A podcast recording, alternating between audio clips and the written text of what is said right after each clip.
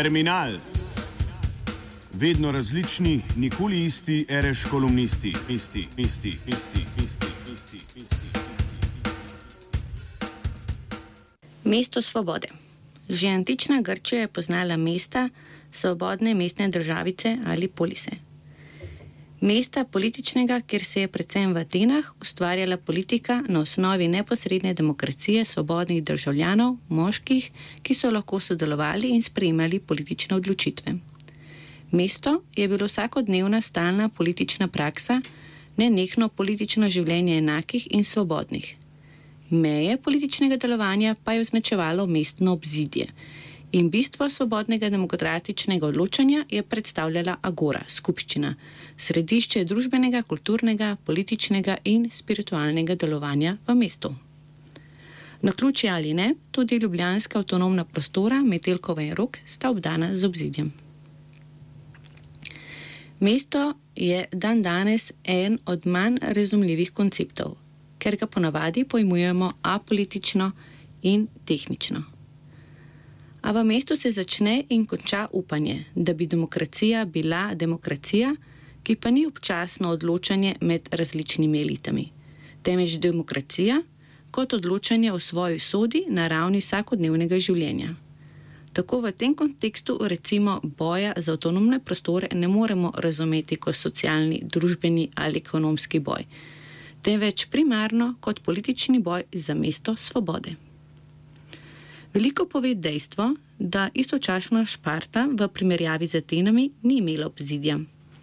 Njena militaristična družba ga ni potrebovala, ker je razumela političnost mesta in njegovo vsakodnevno življenje zelo drugače. V Šparti je šlo za drugačno razumevanje političnega, bistveno je bilo vojaško delovanje, hierarhija političnega odločanja je bila zelo jasna.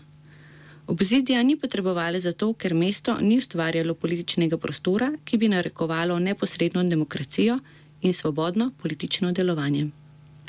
Demokratično in svobodno politično delovanje potrebuje svoje jasno mesto. Mesta so zanimiva, ker so polna kontradikcij, ki se sicer globalno slikajo v delitvah na globalni sever in globalni jug, ali v evropskem merilu na center in periferijo. V mestih pa imamo te raznolike mikrokozmose na dlani. Hkrati mesta predstavljajo središča kapitalistične akumulacije, uspon financializacije in na drugi strani progresivne radikalne politike, kjer tokovi družbenih in političnih sprememb lahko vzniknejo na površje. Na podlagi pariške komune, izkušenj Occupy Wall Streeta, španskega M15 in gibanja Indignados, arabskih ter francoskih nočnih staj, se lahko pravičeno sprašujemo, kako naj se mesta reorganizirajo v bolj družbene, pravične in okoljsko razumne celote, v mesta svobode. Beseda svoboda je bila že prvič zapisana že v času Mezopotamije, ker je na enem od prvih klesov razbrati kraljev edikt, ki je odredil vse splošni odpis dolgov v kraljestvu. To je bila prva deklaracija, politična listina, ki se je ohranila in kjer se prvikrat pojavi beseda svoboda. Kraljev naslednik je šel še dalje in oznanil vse splošno investijo, ki ni pomenila le odpisa zapadlih dolgov, ampak tudi vseh oblik dolžniškega hlapčevanja. Njihov namen je bil predvsem vzpostavitev pravičnosti in nepristranskosti.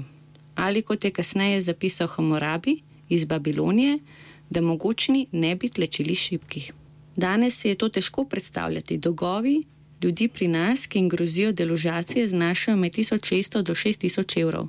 Z odpisom dolgov bi lahko socialno šibkejše z eno potezo rešili muk in jim omogočili, da svobodno zadihajo, tako za krajši čas najdejo svoje mesto svobode. Kredit je eden najboljših orodij izkoriščanja, kar si jih je človeku posrečilo izumiti. Saj si lahko nekateri zgolj s proizvajanjem pri papirja prilastijo delo in bogatstvo drugih.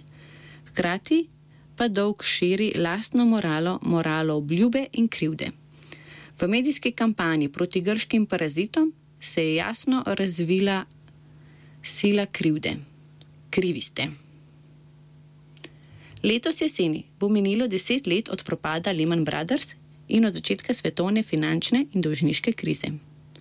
Banka za mednarodne poravnave, banka vseh centralnih bank, je ena redkih organizacij, ki je pred krizo opozorila na nestabilne stopnje bančnih posojil za tvegan kapital. In zdaj ponovno opozarjam, da je situacija v svetovnem gospodarstvu podobna, kot je bila pred finančnim zlomom 2008. Ko si vlagatelji, ki iščejo visoke donose, veliko izposojajo za nove naložbe v tvegan kapital in tako ignorirajo pozorilne znake, da potrošniški krediti rastejo do nevzdržnih ravni in da so finančni trgi ponovno pregreti.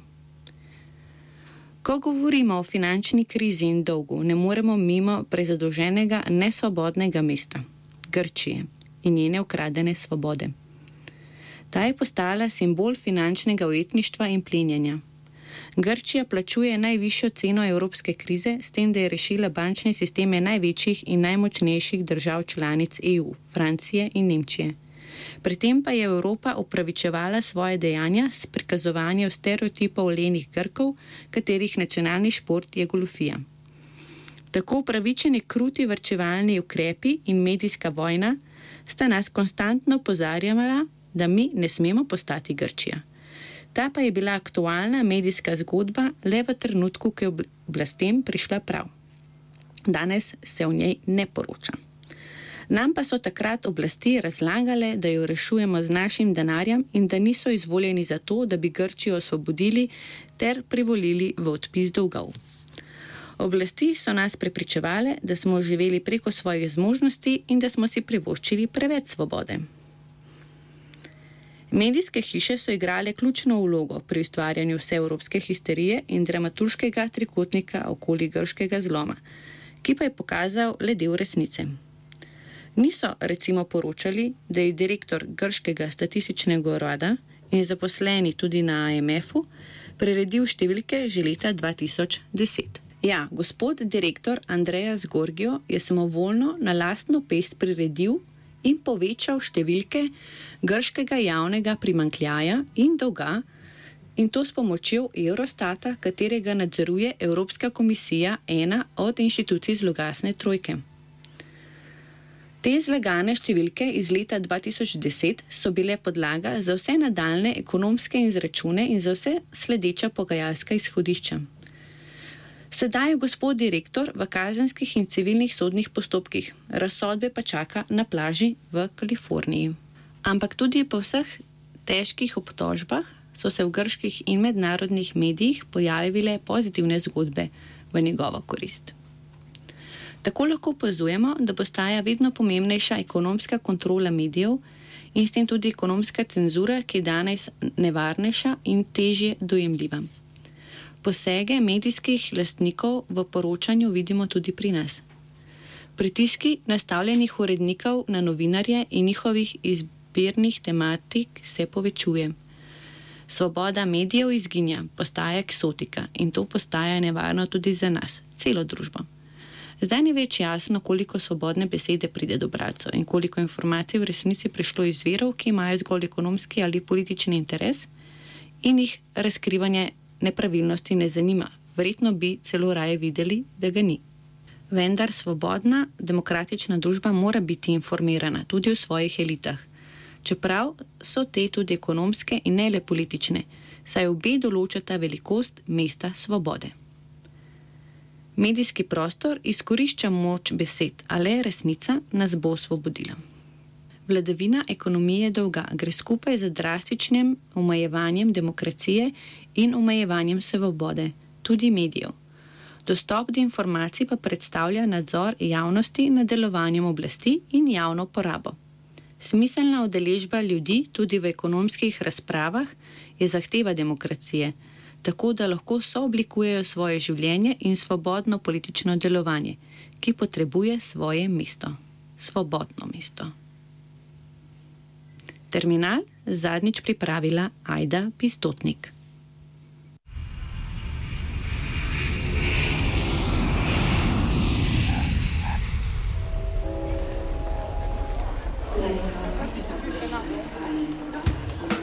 Terminal. Vedno različni, nikoli isti, reš kolumnisti, isti, isti, isti, isti.